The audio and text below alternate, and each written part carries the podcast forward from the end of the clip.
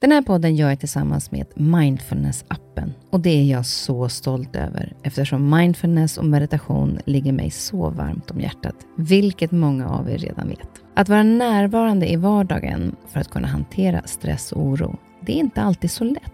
Då kan man ha mindfulness-appen nära till hands för att hjälpa dig när du behöver. För mig kan det vara så till exempel när det gäller sömnen, att vissa dagar då har jag riktigt svårt att komma till ro. Framför allt när det är mycket med jobbet. Då brukar jag använda mindfulness-appen och avsluta dagen med en avslappningsövning för att sänka stressnivån.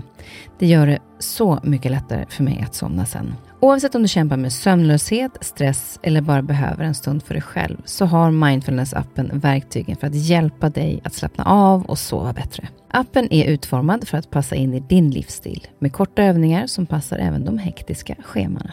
Som lyssnare till Nyfiken på så får ni 40% rabatt på prenumerationen av Mindfulness-appen. Länk till erbjudandet ja, det hittar ni i poddens Instagram, kaspersen nyfikenpa. Eller så går ni in på themindfulnessapp.com kristin. Sluta aldrig att vara nyfiken. Livet har så mycket att lära. Det sa min mamma till mig när jag var liten och det har jag alltid burit med mig och jag har aldrig slutat vara nyfiken. Till varje avsnitt så bjuder jag in en gäst som inspirerar mig på olika sätt och som jag är nyfiken på. Det kan handla om ett ämne, en erfarenhet eller personen i sig. Okända som kända.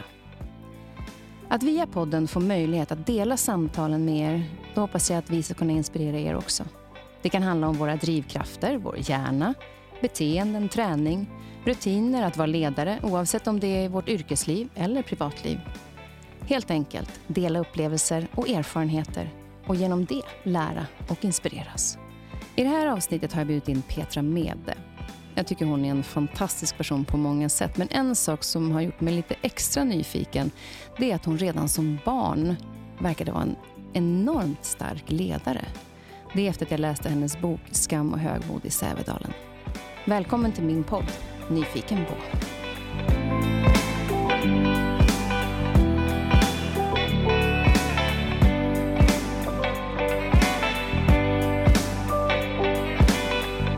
Ser att det rullar. Ja, ja, ja, då ja, tycker ja. Jag att det, det är det viktigaste. Du är jätteduktig. Nej. Nej, men faktum var att jag, jag eh, när jag separerade ja. så bestämde jag mig för liksom att jag ska fan lösa saker ja. hemma. Och ungarna bara så ja, men det, där, det funkar inte den här DVD. Jag bara, mm, eller film, tvn eller vad fan det var. Jag bara, vänta lite ska jag se. Och så lyckades jag väldigt ofta. Och då, då blev det så här, morsan kan. Bra, bra. Och det har fortfarande varit kvar. Så fort jag löser någonting så tittar min son på mig och säger, morsan kan. Ah, men jag, jag, för jag har precis köpt en halv eh, villa, eller så här parhus. Och jag är också separerad. Och, jag, och, och, och så fyller jag 50 nu och tänkte så här, nej men nu vill, jag vill inte ringa, nu ska jag klara grejer själv. Mm. Och när man gör det så är det ju en himla häftig, alltså känslan är så himla häftig tycker jag. Ja, men det, det, så den, det, det är bara för sig själv. Ja, bara för sig själv. Ja, ja, ja, visst, ja, den visst. är så jäkla cool. Det, men det, är, det är helt snacka om liksom vuxen. Ja, det, så här, jag var i och för sig kanske när jag var liten väldigt mycket. Men eh, det är inte det att jag hade haft någon som kunde hjälpa mig så hade jag gärna frågat ja. om hjälp. För det kan ju många säga, så här, men du som är så stark och klarar allting själv, det är väl ingen som vågar ge sig på liksom, ja, flirta med dig. Mm. Jag bara, vad fan har jag för val? Jag ja, lever själv. Exakt, exakt. Alltså, det är inga konstigheter. Jag ber gärna om hjälp. Ja, ja, ja, men... Så. Mm. Eh, då kör vi igång. Ja, absolut.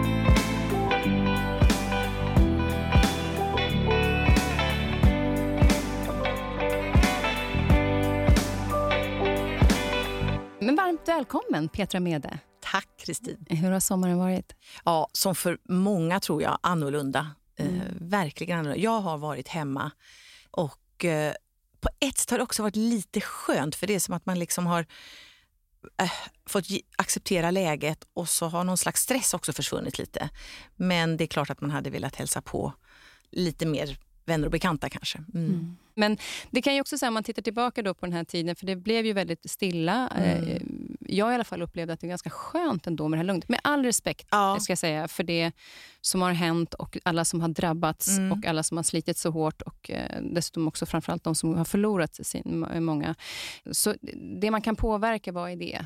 Det hur kan jag påverka mitt liv mm. och kan jag ta vara på det här lugnet? Mm. Och det försökte jag göra. Och jag tyckte det var väldigt skönt att hitta lugnet när alla andra också lugna. Hur kände du det? Det håller jag med om, för annars kan man ju försöka gå sin egen väg och liksom gå lite motströms när det är en väldig stress omkring en eller sådär. Men, men precis, det var verkligen så att ingen annan kunde ju... He- alltså alla var ju på så vis, även om det, jag håller med dig med respekt för de som var verkligen drabbade, men så var ju alla i lite snarlik båt i alla fall eh, genom att alla var hemma och man inte reste. Och det håller jag med om att eh, då kom ju lugnet mer organiskt på något sätt. Mm. Ja, något sätt. precis. Ja. Och nu drar det igång igen. Hur Ja. tänker du nu? Tyvärr så kan jag känna att jag liksom inte klarar riktigt av att leva i det här undantagstillståndet för länge. Så att jag kan tänka liksom att ja, det där corona det var ju i våras och det är, inte, det är ju verkligen inte sant och det vet jag rent sådär eh, förnuftsmässigt. Men jag vet inte om jag orkar riktigt leva så isolerat. Alltså, jag tyckte ändå att det fanns en... Det var något obehagligt med att inte liksom kunna krama dem man tycker om och inte... Ja, och för mig så har ju försvunnit väldigt mycket jobb också. Så att um, jag, jag tycker att det skulle vara ganska tungt om det inte blir någon förändring. Ja. Eh, och du? Nej, jag, nej, men jag tänker också eh, så att jag försöker, men med respekt för att hålla avstånd och så vidare. Mm. Eh, Jag har ju en granne som är 97 och nu har jag ju antikroppar, så att jag, även om inte vi vet vad det betyder, men det är i alla fall mindre risk. Så att jag försöker ju hjälpa henne så gott det går. Men jag spritar ju fortfarande alla grejer som jag handlar till henne Ah, och kreditkortet och allting, för att jag är så Nej. himla rädd att, om henne. Men, men att just det här att försöka hitta en någorlunda normal. Mm. Eh, Men jag tycker också att vi, det finns respekt. Vi är vana vid att man sitter en bit ifrån varandra på restaurangerna. Alltså att det, det är inte konstigt längre att vi Mm. sitter liksom med en två meters Nej. avstånd mellan borden. Och det, jag kan tycka att det är ganska skönt. Det kan jag också tycka, absolut. Ingen det, hör vad jag nej, nej. nej, men det, och det har jag tänkt på när man kanske kan börja gå på bio igen. Det vore, visst vore det helt underbart om man hade liksom en, en radio på någon meter där det inte var någon. Exakt. Det, Vi kan ju ta med det, det som har varit bra Mm, eh, mm. och eh, försöka kanske bevara ett lugn och respekten för varandra, men Mm. också se varandra. Eh, för jag tror att vi behöver det nu.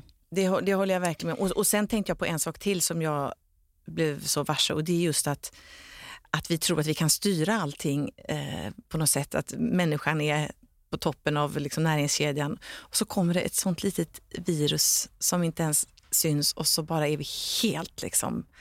Ja, då blir man... hade, hade någon sagt så att eh, det kommer att komma ett virus och ingen kommer kunna resa, Nej. det kommer inte kunna... Man bara, eh, Nej, ja, yeah right. Ja, exakt. Plus man tänker så här, människor, människor kommer inte att hålla det. Liksom. Men så är det ju, det är ju Ja. verkligen så. Ju... Och jag tycker att det är lite coolt. Ja, jag tycker jag att det är coolt att alla... Mm. Att det- här är faktiskt en av, liksom, jag vet inte om det har hänt tidigare, förut har det varit liksom absolut krig och så vidare runt om i världen. Men det här är liksom en gång där alla i hela världen drabbas och vi alla för måste hjälpas åt för att det här ska eh, stoppas. Och Verkligen. det finns en, liksom, en gemenskap i det här Mm. där vi behöver vara rädda om varandra. Och det kan jag tycka att det liksom blir globalt, Mm. eh, en samhörighet. Absolut. Och Solidariteten, den globala, sätts ju verkligen på prov. Och jag, jag håller med dig om att jag tycker man blir positivt eh, överraskad ändå. Mestadels. verkligen. Mestadels. Mm, Mm. mm. Eh, nu ska vi inte prata mer om det, Nej. tänkte jag. Utan för nu är du nämligen här för att jag har ju den här podden för att jag är nyfiken på någon speciell eller någonting som har hänt eller så. Och, och du har kommit med en ny bok. Ja, Och det, du har gjort en bok tidigare med en, med en eh, kompis. ja Eh, Anna Granat. Ja. En humorbok mer. Ja. En humorbok. Mm, Men mm. den här boken, då Skam och högmod i Sävedalen, det är din debut på egen Ja, hand. det, Alltså, det är det. Absolut. hur känns det tycker du nu när du, när du ser att boken är här? Ja, men alla har sagt att oh, det kommer att vara så häftigt när, när du får ha boken i din hand. Och, och det är precis så häftigt. Det är, jag, jag gör ju lite så här olika intervjuer och så sitter människor och du sitter med den där borta. Jag bara, ja, och, och du har läst den där. Och, ja, mm. nej, men det, det är lite magiskt. Det är det. Eh, det jag tänker på, för det är ju, framförallt ska jag säga grattis, för det är ju faktiskt väldigt, väldigt häftigt eh, när den väl är eh, ute i handen och Mm. folk tar del av ens ord.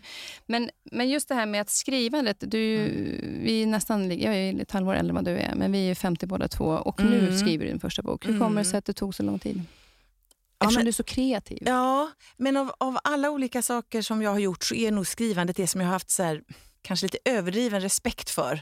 Vad har jag verkligen att säga eller har jag någon berättelse? Men så gjorde jag så här, de här Sommar i P1 och Vinter i P1, några stycken.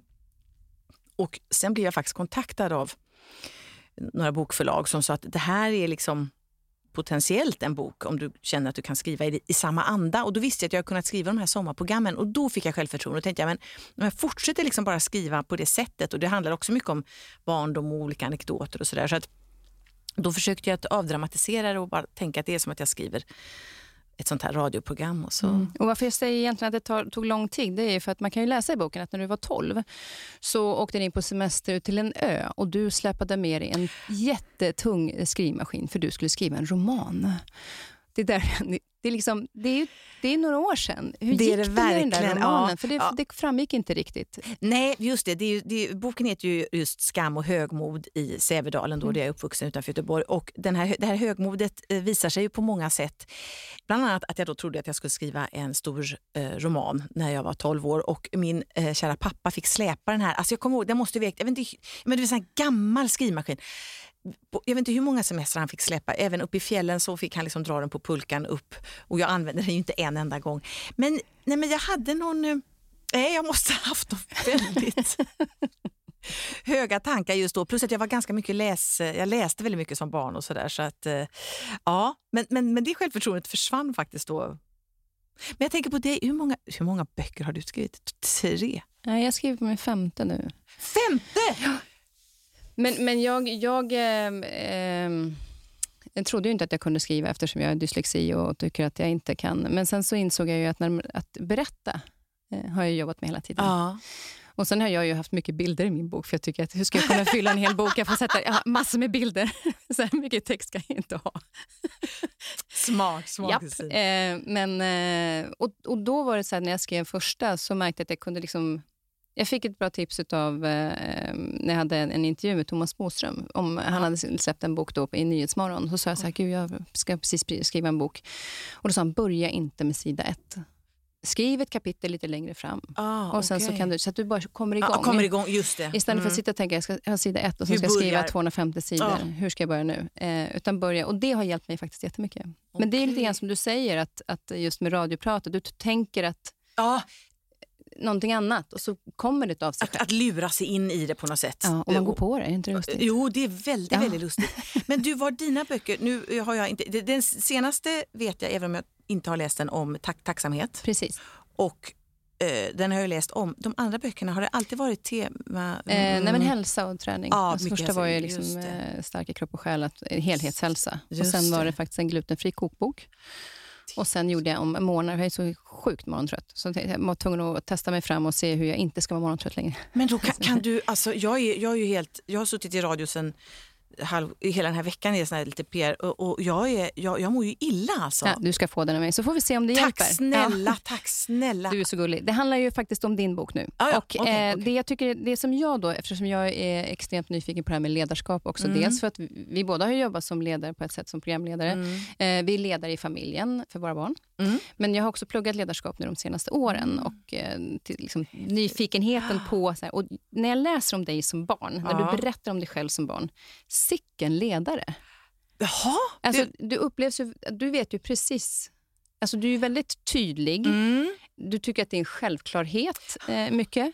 Eh, både, du leder också andra. Ja. Hur skulle du själv beskriva, kan du se den, ja. den sidan av dig själv som barn? Ja, ja, när du säger, jag har inte tänkt på ordet ledare, men absolut. absolut. Jag, jag vet inte om det är liksom egentligen en ja, om det är bra eller dåligt, men, men eh, absolut, väldigt tydligt så. Ja. Har du kvar någonting? För det som jag tycker var mm. väldigt tydligt, som jag tycker var så härligt också, det är att det är så självklart. Mm. Du är så självklar mm. i dig själv som barn. Att är det något, liksom, ja, Röda Korsets eh, damer står och samlar mm. in pengar. Du fattar inte kanske riktigt vad Röda Korset var uppenbarligen. Eftersom du sen tänkte, jag måste ju fixa ekonomin. Du går och gör en egen bössa med mm. ett blått kors ja. på, mm. eh, som fick sina konsekvenser. Ja, verkligen. verkligen. Men, men den påhittigheten och ja. den självklarheten, mm. mm. Ja, men, var kom den ifrån? Ja, alltså, hemifrån är det enda jag kan eh, säga. Sen, sen är det möjligt, tänker jag, att man kommer på vissa sätt. Man, man, man får också en genuppsättning. Men jag växte upp i en väldigt trygg liten villaförort på 70-talet med en mamma och pappa och syster och två hundar. Och jag fick väldigt mycket uppmärksamhet och jag fick ta väldigt mycket plats. Eh, och jag kände mig väl alltid, alltid väldigt trygg och väldigt välkommen. Och sen hade jag också en farmor som behandlade mig som att jag verkligen var Guds gåva till mänskligheten. Så fort jag gjorde någonting så, så såg hon liksom en potentiell karriär. Om jag sjöng då, då skulle jag bli liksom världens största operasångerska. När jag skrev lite julrim då var jag liksom nästa Fröding. Och, så jag fick väl ibland lite oproportionerligt eh, med bekräftelse. Du, du kanske tog den också, eller såg till att du fick den?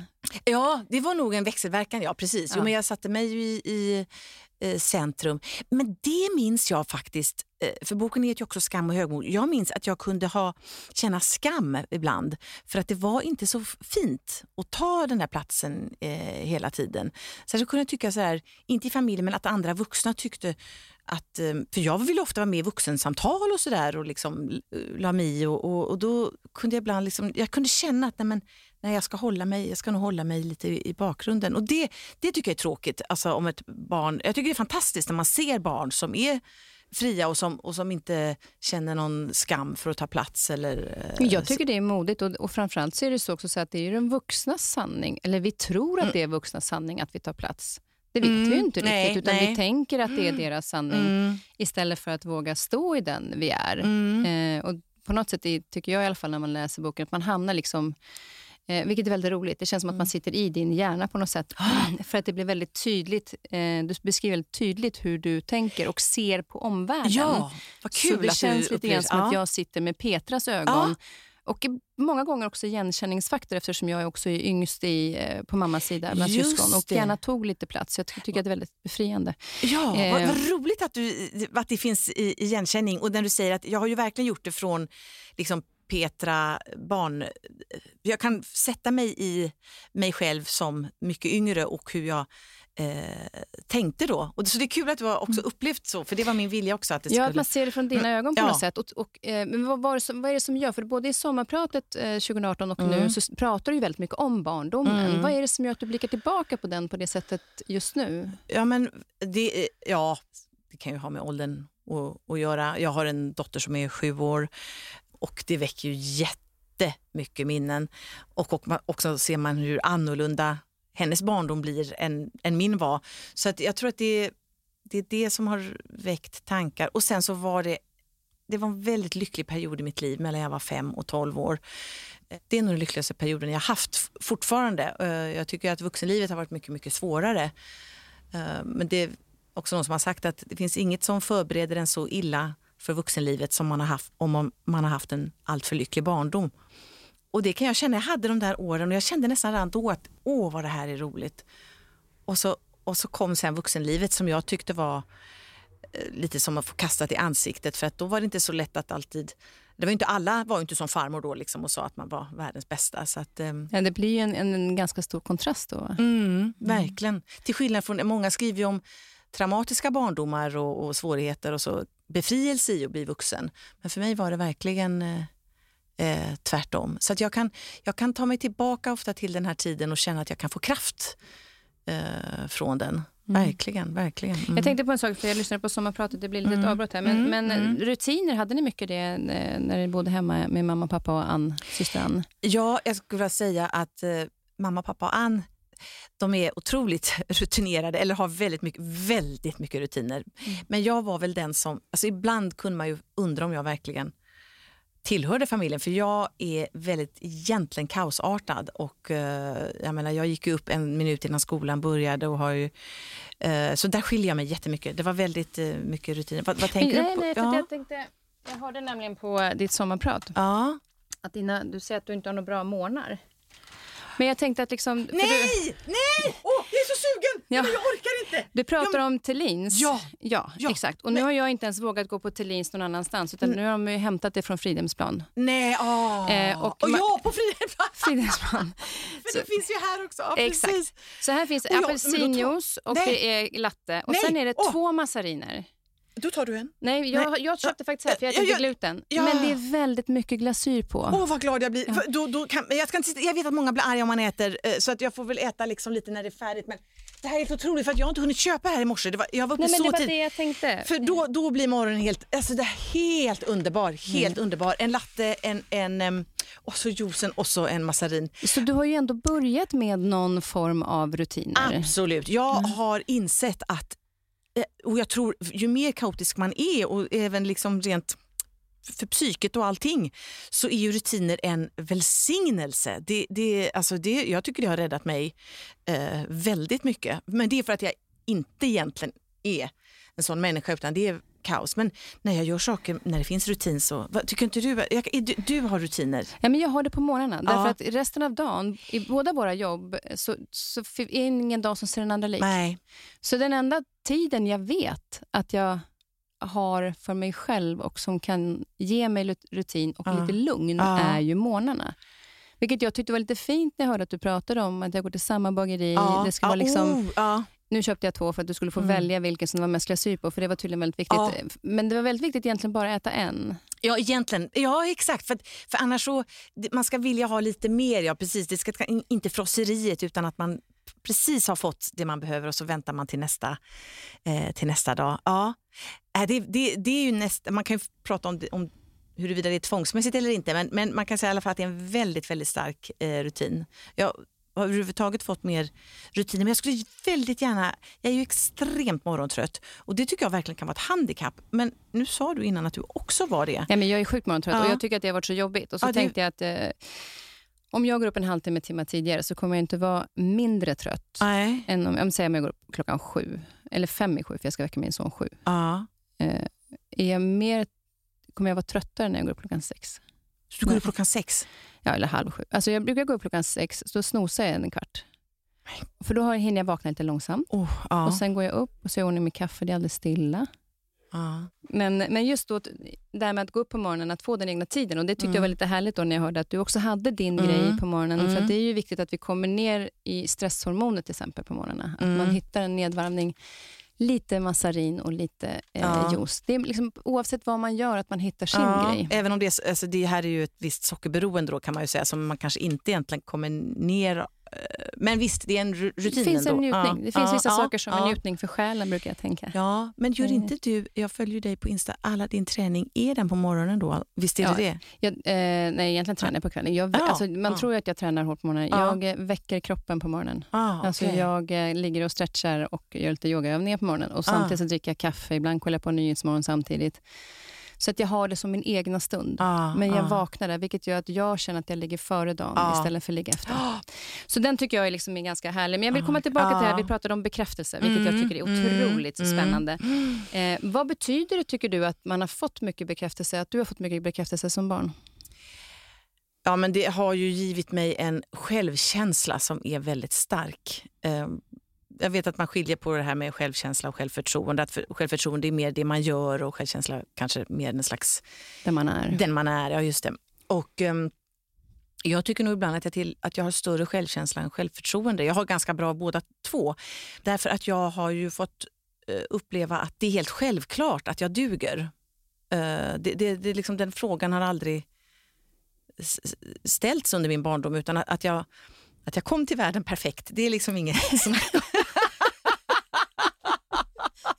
Det kan ju bli lite osympatiskt det här märker jag. Men, men, eh, och, och, och framförallt när jag har mött vänner som inte har fått det så kan jag ju verkligen uppskatta det desto mer, värdet av det. Att, att, eh, ja, men det kan handla om att man har kontakt tycker jag med eh, olika auktoriteter eller eh, myndigheter eller så. Jag har ganska lite respekt för dem och det tycker jag är bra. Alltså jag är inte rädd för att om någon mycket mer högutbildad än jag eller någonting sånt där så, så tycker inte jag att den personen liksom har något tolkningsföreträde eller är mer värd. Eller något sånt jag, tycker att, jag tycker att jag är lika mycket värd och jag tycker även att andra är lika mycket värda. Så att det är ju liksom, det är inte så att jag tycker att jag är för mer men, jag, men jag, jag tycker att jag har ett värde som är liksom oföränderligt. Som, oavsett vad jag gör eller så, så har jag det. Och det tror jag min, eh, min, min, min barndom som, med bekräftelse och kärlek. Men där måste jag säga att jag tycker också att du var bra på att ge dig själv bekräftelse. För det är någonting som jag Ja, kan tycka är viktigt. Att man det. inte alltid väntar in vad alla andra tycker. För det kan skapa en osäkerhet också. Mm, att om du inte mm. får bekräftelse en dag, så, Mm. men du, har jag inte blivit sedd nu? Eh, utan känner så här, jag känner att jag gjorde Ja. ett bra jobb. Bra, allt annat är bonus. Ve- precis. Och där tycker jag att när man upplever i alla fall när jag Mm. har läst att du är ganska bra på att bekräfta dig själv. Eftersom du, eh, och, eh, Mm. det, det tycker jag är väldigt fint att du har med dig och är så grymt ärlig i det. Jag såg trailern, alltså jag Ja. älskar det. Jag, jag skrattar så mycket när jag såg den trailern. Det var i morse för Kristallen. ja, den? Och jag, ja, men jag ja. älskar när du säger jag älskar tv och tv älskar mig. och, och då är jag bara, jag menar, alltså, det är så skönt. Det, är så, för det finns ju en hel del som tänker det om sig själva Absolut. men inte säger det. Nej, det är lika bra att köra med öppna kort. Ja, men exakt. Ja, ja, ja. Så det verkar som att du har fått med dig den där ärligheten från, från barn, att liksom stå i den. Ja, just det. Vilket jo. också gör att folk köper det. Ja, det är ju roligt. Ja, ja men det, det, det är lite intressant som du säger, att om man själv eh, inte tvekar så, så tvekar sällan andra. Ja, mm. ja precis. Uh, ja. Mm. men, men, sen, men eh, ja. då är boken där vi pratar ja. liksom bekräftelse mm, och sen mm. så finns det liksom den här lilla ledaren i dig själv. Mm. Eh, och du var väldigt, upplever jag, bra på att visa känslor. Alltså var det ja, som var fel så. Men däremot när det kommer till tårar, ja. då du beskriver en begravning, att det Nej. Vad är det som är svårighet med vissa, vissa känslor på det sättet, att vara ledsen? Eh, ja, men det, nej absolut så är det kanske ändå blivit bättre med åren. Men där är väl också humorn, tror jag, lite ett skydd ibland eh, för, för just känslor. Nej, det är nog lite, jag vet inte om man ska säga blockering, men jag har, har eh, det, det känns som att eh, man liksom öppnar upp för mycket, att det finns att någon kanske kan dra nytta av dina tårar på något sätt. Jag kan känna att då måste man känna sig väldigt, väldigt, i en väldigt, väldigt trygg miljö. För att det är liksom någon slags, det är som en enorm sårbarhet på något sätt. Men det är inte, är man, jag tycker att det är en styrka att vara sårbar. För man kan också Absolut. förstå andras sårbarhet liksom, genom att vara ja, jag menar inte att det är något bra. Ah, nej, nej, jag skulle väldigt gärna vilja men, eh, kunna visa eh, mycket mer, absolut. Men jag tror att det är det som har gjort mig lite rädd för att jag använder mig ändå av, alltså att, att använda sig mycket av humor som jag gör, det, det är ju, jag ska inte säga att det är ett makt, men, men det är ju ändå ett sätt att lite så här, ja, men det kan vara lite av ett skal eller ett skydd eller någonting och uh, att alltid ha en snabb grej att säga liksom.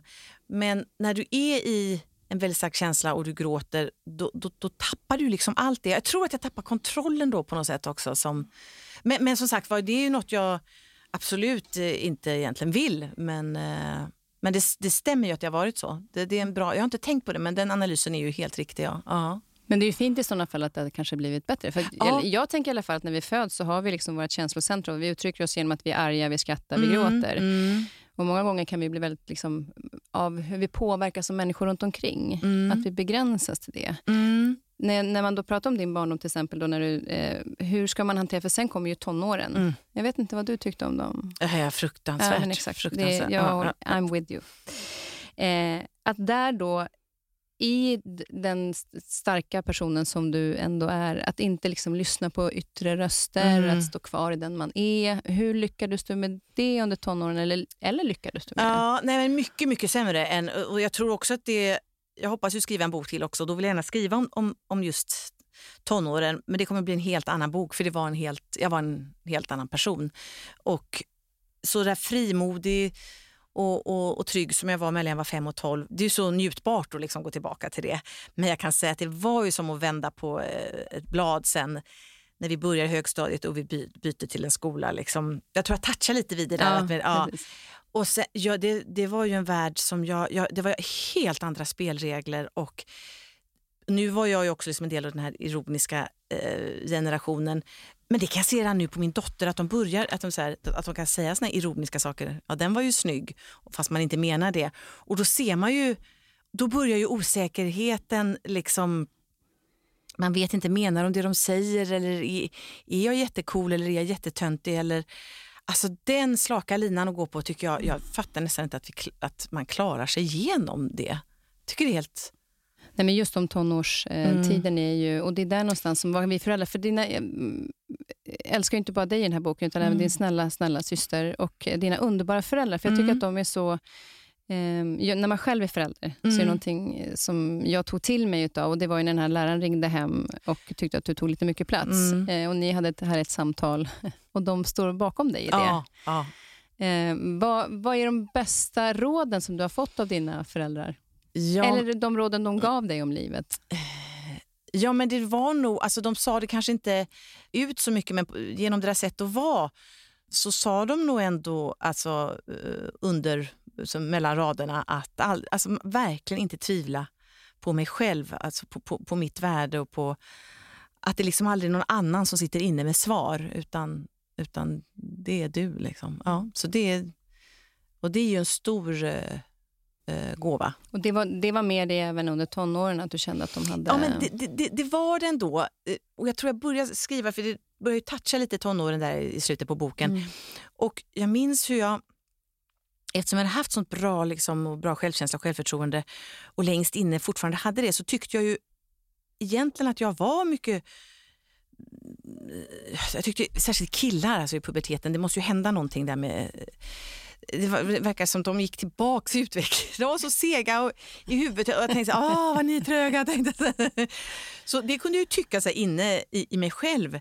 Um, så det gick egentligen inte ihop med hur osäker jag blev utåt. För, för att um, mm, jag, jag tyckte liksom kanske att jag var lite bättre och, och, och smartare men jag var ju ändå nästan lite Ja, jag var ju ändå tönten liksom, om du förstår. Och då är man inte, man är liksom inte inne i häftiga gänget. Och det är ju ändå där man kanske vill vara. Precis. Eh, Jag tycker det var så roligt när man läste om att dina, eh, när du tittade tillbaka, att du hade fått för sig att jag var mobbad eller någonting och Ja, någon klasskamrat hade sagt att nej men du kanske borde ha varit. Ja. ja, jo, jag har alltid velat odla lite av ett utanförskap. Ja, precis. Nej, så man måste verkligen, och just med tanke på alla som verkligen är det, nej, jag var absolut inte mobbad. Eh, och jag tror också att under tonåren, jag tror inte att några kunde ana egentligen eh, hur jag kanske eh, mådde inuti. Men det tror jag är eh, samma för många tonåringar. Tycker jag, nu har inte jag haft någon tonåring hemma än, men jag inbillar mig att det är mycket som förälder som man inte vet när man får ett tonårsbarn. Kan det stämma? Ja, Ja. absolut. Nu har jag ju två söner, så att Ja. jag, eh, killar är ju lite annorlunda än, än eh, vilket jag tyckte var skönt på ett Ja, sätt. det kan jag nog tänka. För att jag ja. går inte in i mina egna känslor, Nej. hur jag var. Nej, just det. Eh, jag tycker just heller det. inte om att jämföra mig själv, att jag gjorde så här som barn, Nej. hur gör du? Utan de är en egen individ och det Mm. ska jag...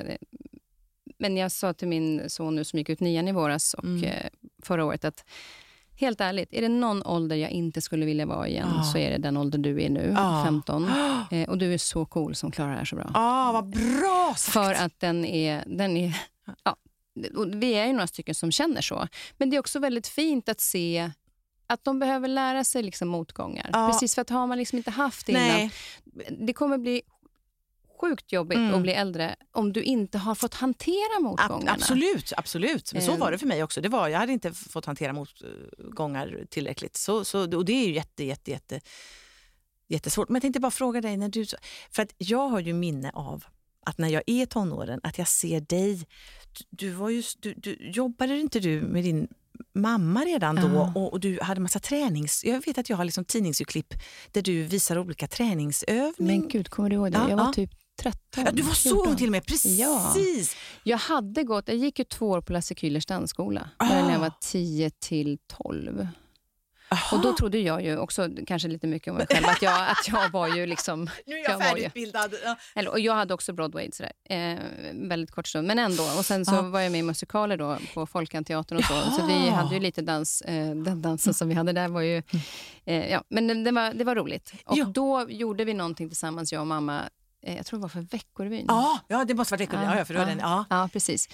Men sen, blev, sen gick det en annan väg. Jag blev både flygvärdinna och eh, nagelskulptris och bartender och allt möjligt. Så Ja. jag verkligen... Men du, Men, men, men då kändes det, jag måste bara säga då, för, för jag minns att då tänkte jag faktiskt, Kristin Kaspersen, hon kan inte ha något dåligt hon måste njuta av den här eh, to- tonåren och hon liksom vågar visa sin kropp och träna. Och så hade du en Musse Pigg som var så inne tror jag. Ja. Trö, trö, och du visade de här övningarna och då tänkte jag verkligen ah, hon är cool, hon kan inte ha någon. Men så var det inte riktigt Nej, då. nej, nej, absolut inte. Och framför, det där var precis i början på tonåren. Då hade jag kanske lite självförtroende kvar. Men sen när jag blev lite äldre och min syster då, Malin var ju tre år äldre än vad jag är och eh, modell. Eh, och jag var lite rultig eh, och fick ju höra så här, ja, men din syra är modell, hon är ju snygg. Jag bara, ja det är hon. Ah. Så det är klart att vi och där, Ja. lyssna på alla andra. Just vem, vem är jag? Ja. Vad vill jag vara? Vi stack ut som familj, jag vill inte sticka ut. Så det, det är ju såklart en väldig... Eh, att, att höra alla röster därför att man själv någonstans inte... Man håller på att utvecklas till någonting som man inte vet vad det är. Nej, precis. Och vågar inte precis. stå i det. Nej. Det är min, min summering av det. Mm. Men det är, väldigt, det är en väldigt spännande tid, även om jag är oerhört glad över att slippa leva den igen. Mm. Men, men att gå bredvid en tonåring, det ska bli spännande. Vi kan prata om det sen när din dotter kommer upp i Ja, det kan vi verkligen. Ja, jag, Ehm, Så, det, så det, är en, det är en tid. Men det var där någonstans du började lära dig hantera motgångar. Sen, för Mm. sen har du ju ändå mött liksom, med, med ryggen och Ja, liksom, vissa problem som visst. du har fått hantera? Det har jag eh, verkligen fått göra, både då att jag skadade ryggen och sen att eh, eh, ja, men jag menar det är, så- det är så många olika saker som, som eh, händer i livet och med allt med relationer och med, med så att eh, men då kan jag väl säga att det har varit periodvis lite svårt att, eh, så att säga, inte ordet bitter, men att, att jag är ju ganska krass i mig själv ändå, men, men eh, det var ändå tufft att liksom inse hur snabbt livet kan förändras och hur det är för oss alla och att det liksom inte... Alltså jag hade nog ändå så här, och kan fortfarande ha det att jag kan vara och det gör mig ju inte särskilt glad, så här lite missunnsam och avundsjuk och, och, och sånt där. Så det är nog något jag måste öva lite på att eh, fortfarande tycker jag ändå att, eh, att ja, en viss acceptans av saker. Jag kan bli fortfarande väldigt arg liksom att jag skadade rygg. Jag kan bli, och, och det har ju också lite med att göra att, att jag inte drabbades av någonting som liten tror. Tror jag. Men, men det som också är kul, för du, du blandar ju lite grann barndomen och, ehm, och nutid. Mm. Och det här med känsla att inte kunna hantera det alla gånger och vad man tänker kanske är bra att inte alla hör alla gånger. Mm. Eh, jag tänker på en sekvens i, i eh, boken som jag skrattade gott åt och liksom lite så här, åh vad skönt att höra att, att eh, hon också kan tänka sådär. Jag läser lite kort härifrån, jag hoppar lite mellan Mm. raderna här. Det är ändå ganska otroligt hur höga tankar blandas med låga. Eh, och du sitter upp på Stockholms central. Det är roligt att du sitter och håller för ögonen Ja, nu. jag tycker att det här är... Ja, precis. Nu sitter jag och irriterar mig något enormt på radiopsykologen som inte kan uttala sh-ljudet som bildas av bokstäverna R och S. Det blir bara S. Vad är det med den jäveln? Högutbildad och allt. Och den här psykologen då får ett samtal och psykologen säger Hej Agneta, berätta vad du ringt eh, in och vill prata om. Då svarar hon, jag vill prata om att mina barn sagt upp kontakten med mig. Och nu har jag nästan svårt att läsa det. Ja. Jag förstår. Och det måste vara tungt, förstås. Hur svårt kan det vara? Förstås. Jag skiter i om Agneta inte har kontakt med sina ungar. Kan inte människor bara lära sig prata ordentligt? Alltså det är ju så roligt som man bara dör. och, och det är ju en, en, en så här, uppenbarligen Ja. kanske inte det ligger hos eh, psykologen på, utan det kanske ligger hos en själv en Absolut. dag. Det, var ju, det är ju en dag då när jag åker och inte mår så, så bra. Jag är liksom irriterad. Precis, så att det, det ligger ju naturligtvis hos mig. Men jag vill ändå skriva... Att det var lite befriande att också visa just hur... Alltså ibland man försöker vara så eller så här klok och förnuftig och, och god. Eller så här, liksom. Och så ibland kan man bara ändå liksom hemfalla åt men vad fan kan inte lära sig snacka. Alltså, Och jag tycker att det är jättehärligt. Ja. Alltså många tycker, kan prata om mig att jag är så himla positiv. Och sådär. Ja. Mm. Grejen var bara att när jag fastnade i de dagarna, ja, då kunde det stjäla så mycket energi. ja, ja, absolut. Eh, absolut. Och därför har jag försökt hitta sätt, när jag kommer in, okej, fan det ligger hos mig, Mm, skärp nu. och försöka ta mig ur det, för min egen skull. Inte vad jag mm. tänker om de andra, utan Nej. mer för min egen skull. Hur gör du de gångerna? Alltså, sitter du där och liksom, Mm. tills du är klar, eller hur gör du? när du... Ja, nej men så här är det. Jag håller ju med dig på verkligen att det stjäl energi. Däremot så är det ju lite tacksamt för att det skapar ju humor och jag håller ju på mycket med humor och jag ser ju, om jag tittar på det utifrån så kan jag ju se att det är väldigt humoristiskt. Men nej, det kling, sen klingar det ju av och sen kan jag känna, men varför, varför kände jag sådär? Sen är det för övrigt också en väldigt bra psykolog. Så att, eh, men, men eh, Men det är ganska roligt ändå. Vi kan ju ändå Mm. vara tacksamma för att du har dina dåliga dagar. För du, du, du kommer på med väldigt mycket roliga saker. Så ja, det, så blir det. Så fort- blir det. Ja, så blir Så det. fortsätt Mm. att ha kvar dem Ja, och precis, förvalta precis. dem. Ja, och sen så, eh, Men sen kan jag ändå, det finns mycket att lära av dig Daxin att just... Eh, Nej, men jag läsa. tycker det, liksom, Ja. det är skönt att känna som du gör. Ja. Alltså, jag vet ju mamma, när hon satt i bilen, Ja. då kunde hon ju säga saker Ja. som man aldrig trodde att de skulle säga. Inte så jättefula, jag Nej. kanske är mer grov. Men, men att så här, någonstans är det skönt att bara få utlopp för ja, de här tankarna. det vore konstigt om man inte... Ja, precis. precis. Exakt.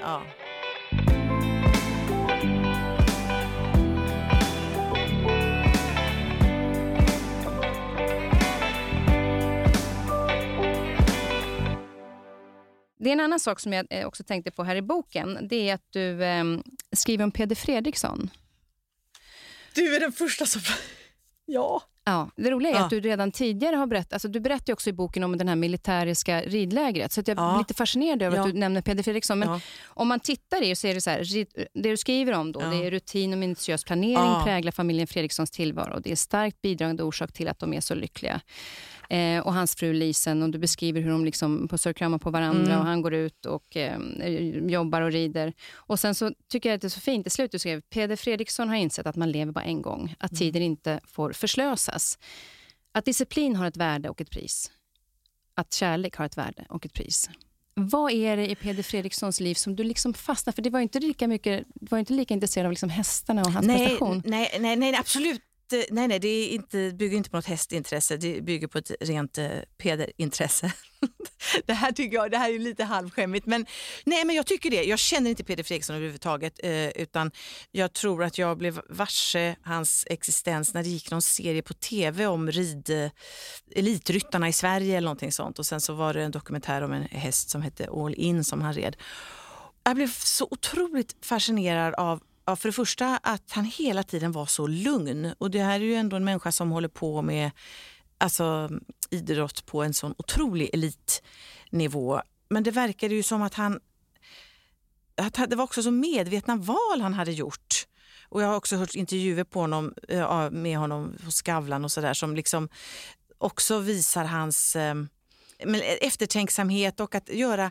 Och så skiljer han sig så enormt mycket från mig för att det verkar verkligen som att det är väldigt medvetna val, väldigt konsekvens... Och du inspireras av det? Ja, det gör jag. det gör jag. Sent i livet så, ja men Ja. jag gör verkligen det. Och också deras kärlek, för den skriver, beskriver du ju också. Ja. De har ju en väldigt fin kärlek vad man kan se. Ja, vad man precis... Eh, vad, jag som och sagt, går bredvid varandra. Liksom. Ja, just det. Och, och, och, och hon är ju också väldigt otroligt kompetent och gör sina saker. Och sen så var hans, eh, deras lilla son med på det här sommarlovsmorgon och så, och så rider han där. Jag tycker de påminner lite om min syster också som på något sätt redan eh, i tidig ålder har ändå fattat vissa saker. Jag, jag tycker att jag har ju levt väldigt flackigt och liksom otroligt impulsivt och känslorna har styrt. Och det, det är ju bra att vara nära sina känslor men det finns ju också negativa sidor av det. Att man missar en långsiktighet. Att man, och, och det verkar ju, verkar ju inte Peder ha, Nej, och det gjort. verkar som att just den strukturen man Ja. har, att man är i varje moment på något sätt. verkar otroligt närvarande också. Ja, precis. precis. Så Ja, det, det är verkligen ett kapitel av, eh,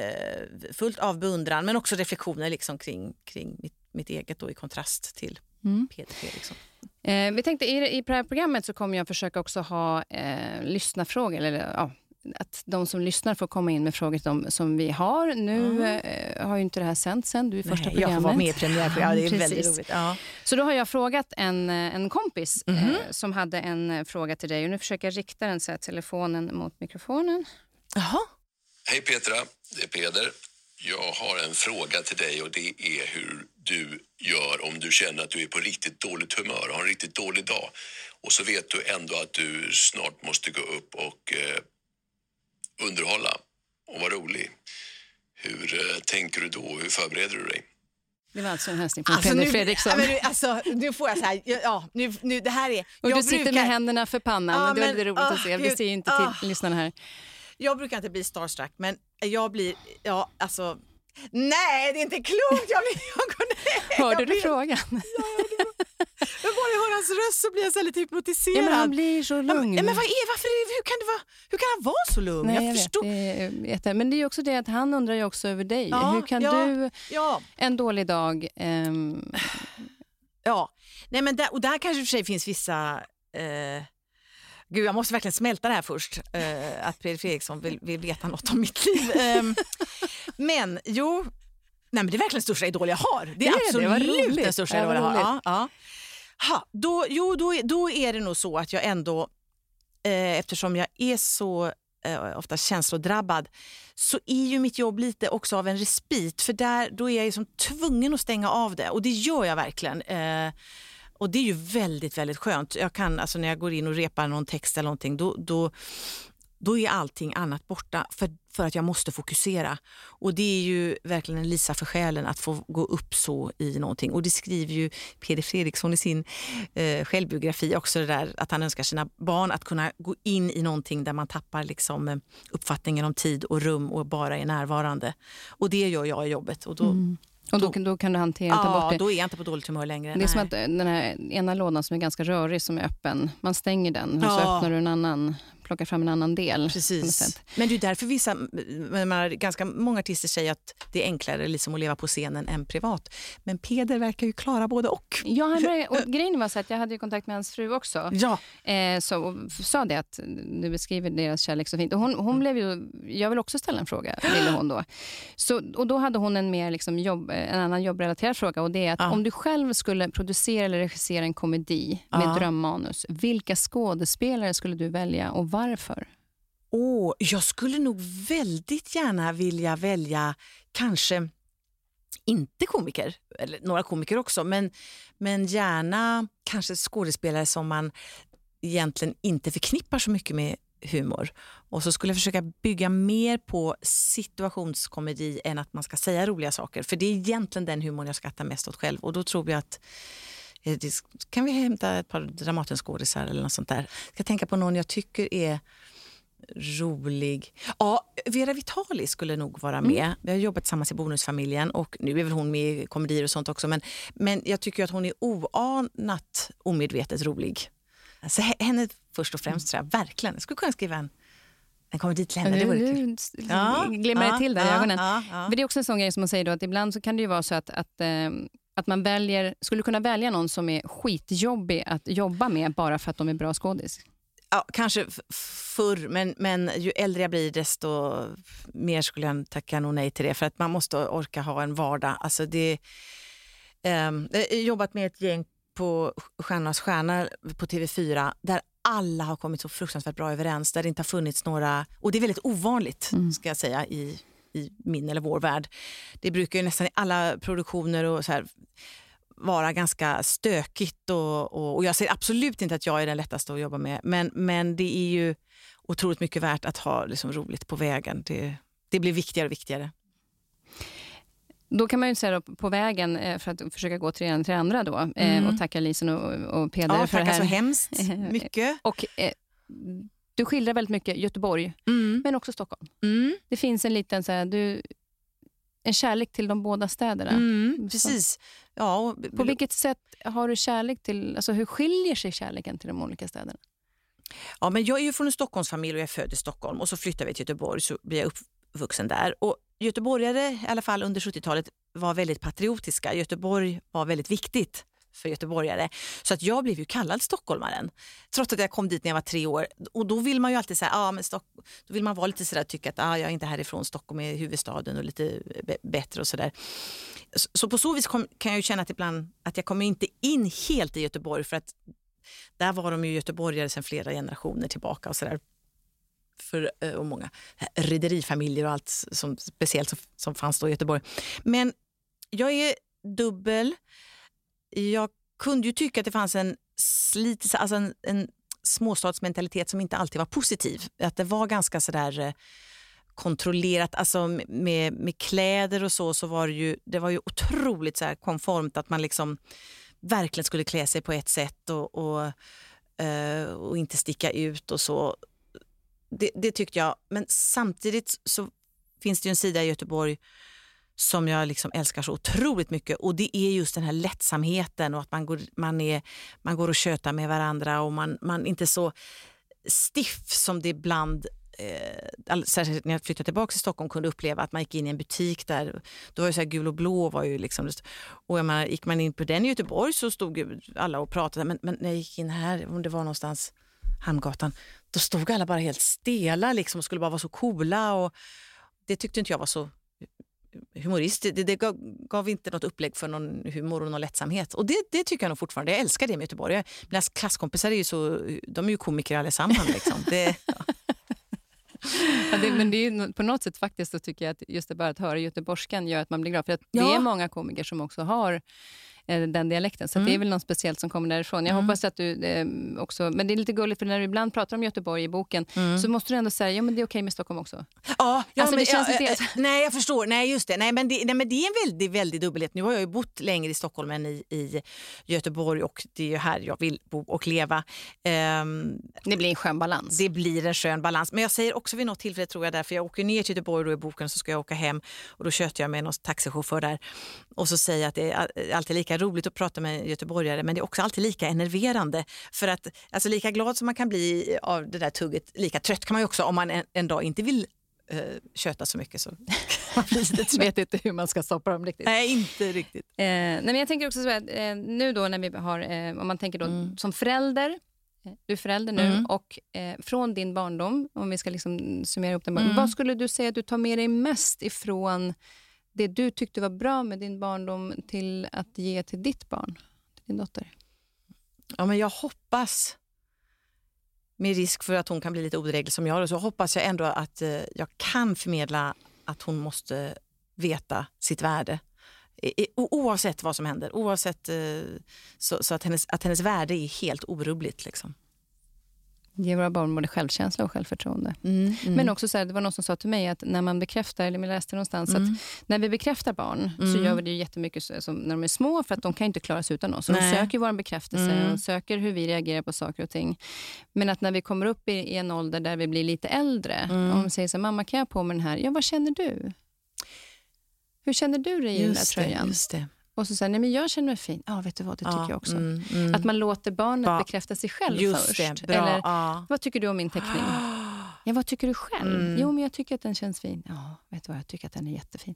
Så att man liksom lär barnen att bekräfta sig själv. Den tyckte jag var den ganska var fin. väldigt bra, väldigt bra. För att, eh, jag vill inte prata för mycket om min dotter, men, men jag känner att jag precis, att det är någonting jag skulle kunna precis känna efter själv. Att jag inte bara står där och skriker att allt är fantastiskt. Utan jag har nog inte gjort, Ja, alltså, nu är det nej. lite senare än Ja, ja, ja, ja, men- 23, men, ja. men jag tyckte det var en väldigt fin eh, tanke i att... eh, super, superbra. Var det någon barnpsykolog eller något? För det låter ju otroligt eh, klokt. Precis. Och, och Just det att jag läser om det här med att bekräfta sig själv, att, att leda sig själv. Det är det jag nördar in mig lite grann på nu. Och då Ah. var det en väldigt tydlig grej när det gäller det här med bekräftelse, att det är jätteviktigt att vi bekräftar dem som barn, att ja, vad duktig du är när de börjar Ja, gå. Så att de ska förstå att titta på ansiktsuttryck och så. ja, det. Men att när de kommer upp i den här Mm. åldern där de är liksom, ja, 7, 8, 9, skolåldern. Mm, Liksom. mm, så att mm. just säga så här, vad känner du? Ja. Att, att man, Bra. Ja, men det, Mm. Ja, det tyckte jag bara var en sån här ja, rolig ja, grej Det att ta är faktiskt lite tankeställare för mig. Mm, mm, Men den, den kan vi ta med oss. mm, mm. Eh, en annan sak är att du, eh, dina drömmar var ju helt underbara med eh, världen och Mm. eh, att du eh, skulle stå där och alla jublar och så. Och det har ju faktiskt nästan blivit så. Alltså, du har ju blivit extremt eh, populär och eh, framgångsrik i det du gör. Eh, med tanke på ja, i Europa. Alltså, du Ja. kanske inte tog hela världen än. Nej, än, nej, nej, nej, nej, precis. Men en, Europa? tack. Ja, ja. Eh, blev liksom vägen, för att när man tittar då på hur det var då och nu Mm. så är det ju liksom så här, ja vad tydlig liksom, linje det är. Ja. Var resan så tydlig till, eh, till Eurovision? Ja, nej, det, det, det är ju verkligen en snirklig väg dit, men det är ju lite lustigt att, att jag ändå hamnade ganska likt, eller snarlikt det som jag hade eh, liksom tänkt mig. Det, det, det är lustigt kan man säga, det är absolut.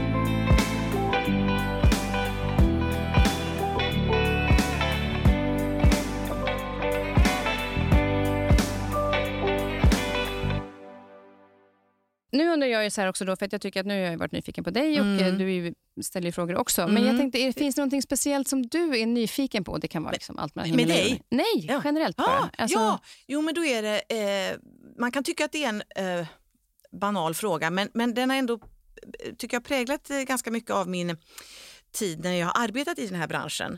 Därför att eh, det, det, det har ju ganska mycket med det visuella att göra och jag, det har jag egentligen aldrig varit så intresserad av, alltså kläder och styling och, och eh, sånt. Men det är ju inför varje grej jag ska göra nu så, så, så ska jag ju komma en styling, alltså det, och det måste du göra för jag har ju som du ser, jag har ju ingen koll på kläder. Och jag är egentligen inte så jätteintresserad. Och jag vet inte vart jag är på väg med den här frågan nu. Nej, men jag men undrar... är det, är det just det att du inte hittar din egen stil? Nej, eller jag är, är helt liksom... osäker. Där, där, där, där har jag ingen självkänsla och ingen självförtroende. Och då ser jag på en sån som dig, jag tycker att du alltid liksom, det är väldigt tydligt med vad som är du. Jag, jag kunde nästan ana precis att du har på dig sådär. Den, Jag är sjukt safe, jag har en svart kjol och en svart det är skjorta. ganska safe, det är det, Exakt. För, det är det för sig. Ja. Men det, men det är någonstans så här, kan du känna att du liksom, för att det, det är ganska intressant, för du, även i boken så skriver du, är du inne på klädesgrejen ett tag? Ja. För du pratar ju om Ja. mammas Marimekko-kläder som du inte ville Nej, ha. det vill- Däremot så ville du ha högklackat som min mamma. Ja, det, ja, just det. Men jag vill, Ja. ja, precis. Jag, för jag är inte från en familj med högklackat och eh, jag vill ha väldigt mycket guld och glitter och så. Ja, det har Ja. jag fått lite nu då. Men precis, jag hade väl, och Lill, ja, jag kallar din mamma Lill-Babs, men jag menar, jag, jag, jag, här, jag läste ju på att hon gick alltid i högklackat så att hon inte kunde gå för att hälsenan blev för kort. Är det, är det sant? Ja, alltså, jag tänkte på det nu. Ska det, det, det är sant. Hon hade en period där hon fick hälsen, hälsenesinflammation. Ja. Så den hälsenesinflammationen fick hon för att hon alltid gick, hon gick ju liksom i klackar även hemma. Men sen så började hon faktiskt, jag vet inte om det var när hon började spela golf, men hon började gå lite lägre för hon var ju tvungen att tänja ut det, för det gick ju inte för hon kunde liksom gå på tå.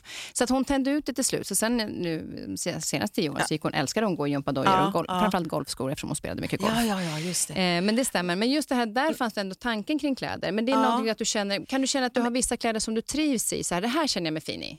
Ja, men det är inte alltid det som liksom blir det fina i tv. Och jag, jag tycker att Men det, privat, tänker jag. Eh, ja, privat är jag. jag har otro, till och med min dotter säger mamma, det finns ingen som har så lite kläder som du. Jag har ju liksom tre t-shirts och så några. Och det tycker jag är väldigt skönt för att jag vill att det ska ta så lite tid som möjligt när jag går upp på morgonen. Och det nya nu, vi har precis flyttat till ett hus, det är att jag bara ska ha kläder i brunt, vitt och svart där allting kan matcha med allt. Precis. Eh, och, nej, men då, är jag liksom, då tänker jag på ja, dig och, det, och, och nu är jag på TV4 också. Där jag, jag tycker de är lite extra fina där. och med Tilde och, och Jenny och alla. Och då bara tänkte jag så här.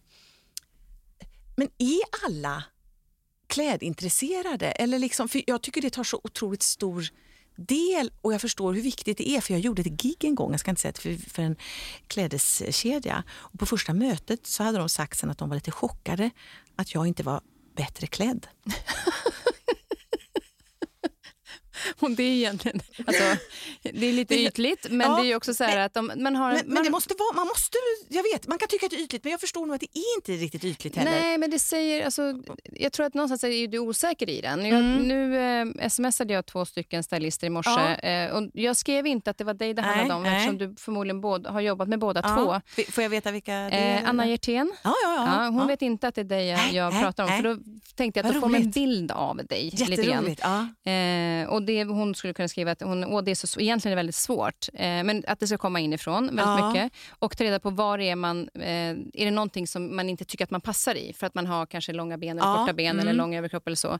Men att när man hittar ett plagg som du verkligen trivs i, som du känner dig fin i, Ja. även om du har lånat något från TV, fråga efter det och så kanske man köper tre av de byxorna. ja. Så att du, och sen att Likadana då, alltså? Exakt, för då behöver du inte så här, hitta tre olika typer. Nej. Det kanske finns att ja, men jag har tre, för då kan jag använda dem oftare, men jag kan byta det till någon topp.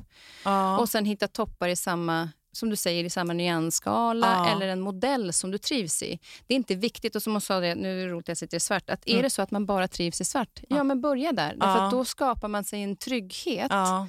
för att sen kunna börja laborera lite grann. Ja. Så hittar man sin, det här trivs jag med, de här färgerna som du pratar om, Ja. eh, så kan man utifrån det sen laborera. Till de här brallorna så kanske jag ska ha sån här blus istället. Ja, ja, ja, okej, så börja, jag förstår, börja och sen låta Eh, det växa. på. Precis. Men, men, men, men får jag fråga då, om man har, för det skrev jag också i boken, att jag hade en väldigt tantsmak. Jag ville gå med så här, eh, och vara portfölj och, och, och, och så här. Och, och det är så i- den mån jag liksom blir tillsagd, vilket jag blir ganska ofta, och även av mina kompisar, att, du, kan inte, du måste vara ungdomligare, du klär dig för tantigt. Och, Varför då?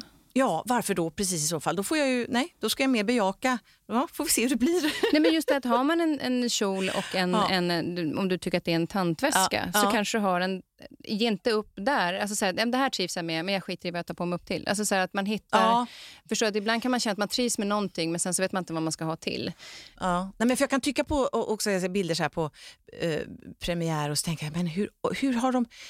Det största arbetet för mig det är ju liksom vad jag ska ha på mig och jag tycker inte ens att det är särskilt roligt att ägna mig åt det. Så det men det, det, det, jag ska säga så när jag kommit in i den här branschen så tar det tar för, förvånansvärt stor del av jobbet. Ja. Men, men om du, en till stylist, då, för jag tänkte Ja, jag skulle mm. två olika, och det är Niklas Berlin.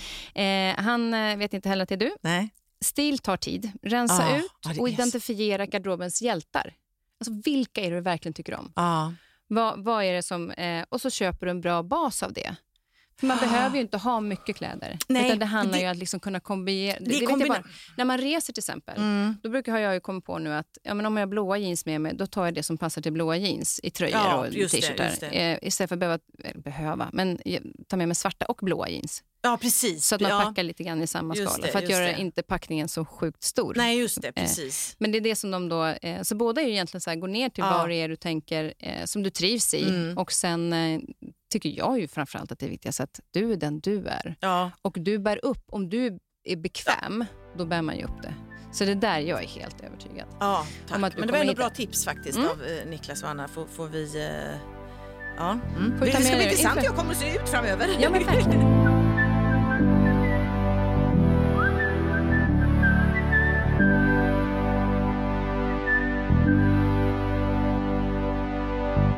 Vi går in i hösten.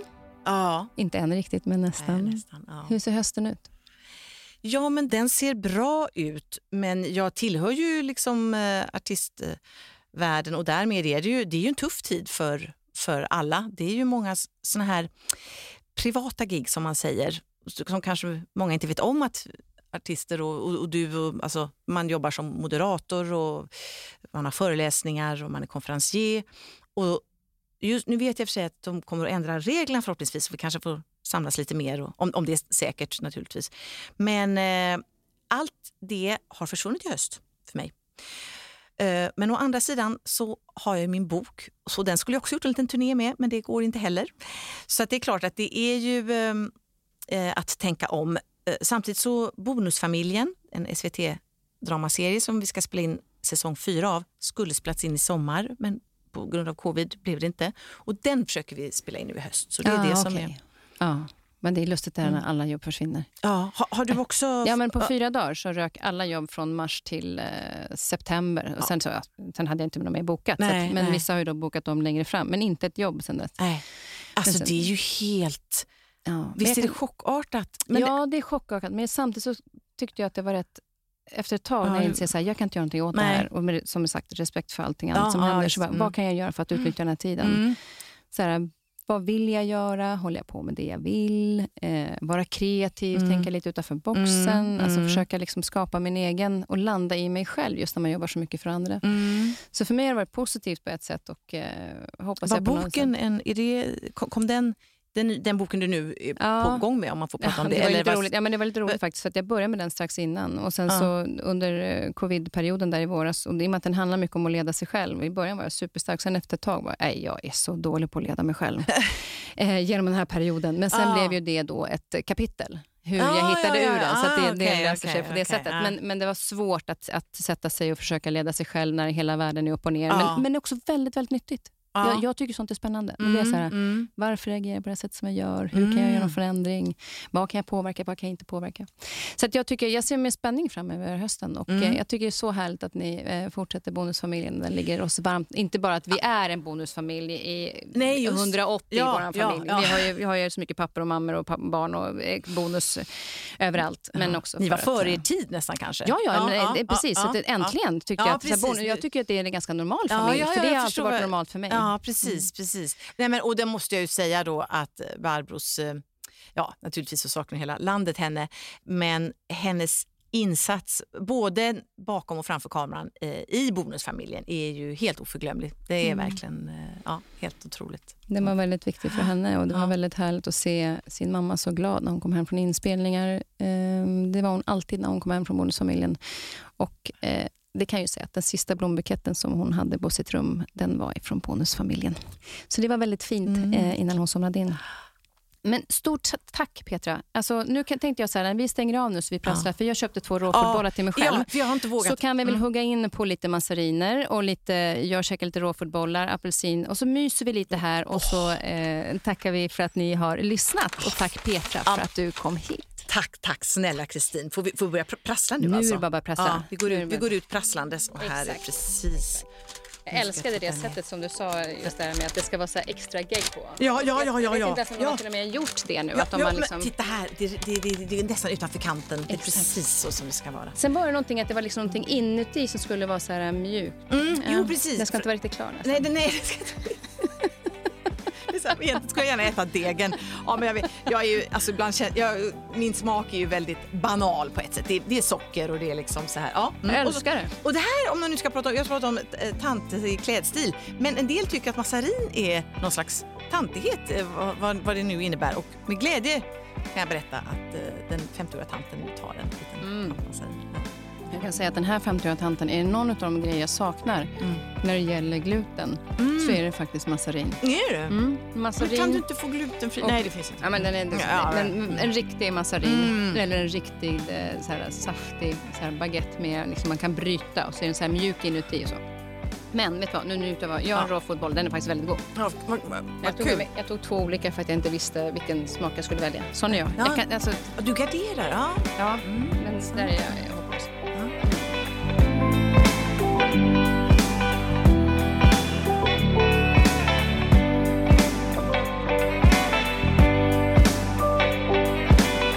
Den här podcasten är producerad av Perfect Day Media.